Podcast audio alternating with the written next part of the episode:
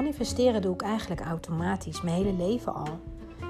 Van mijn droombaan bij de KLM die ik manifesteerde, tot aan geld, tot aan uh, mannen in mijn leven.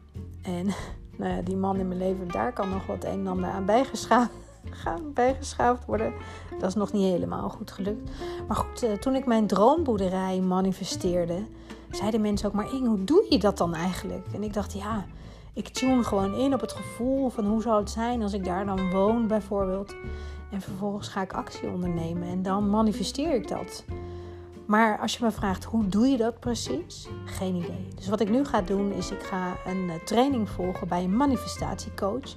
En zij gaat mij precies de kneepjes van het vak leren van hoe manifesteer je nou precies. En ik ga dat in mijn podcast met jullie delen.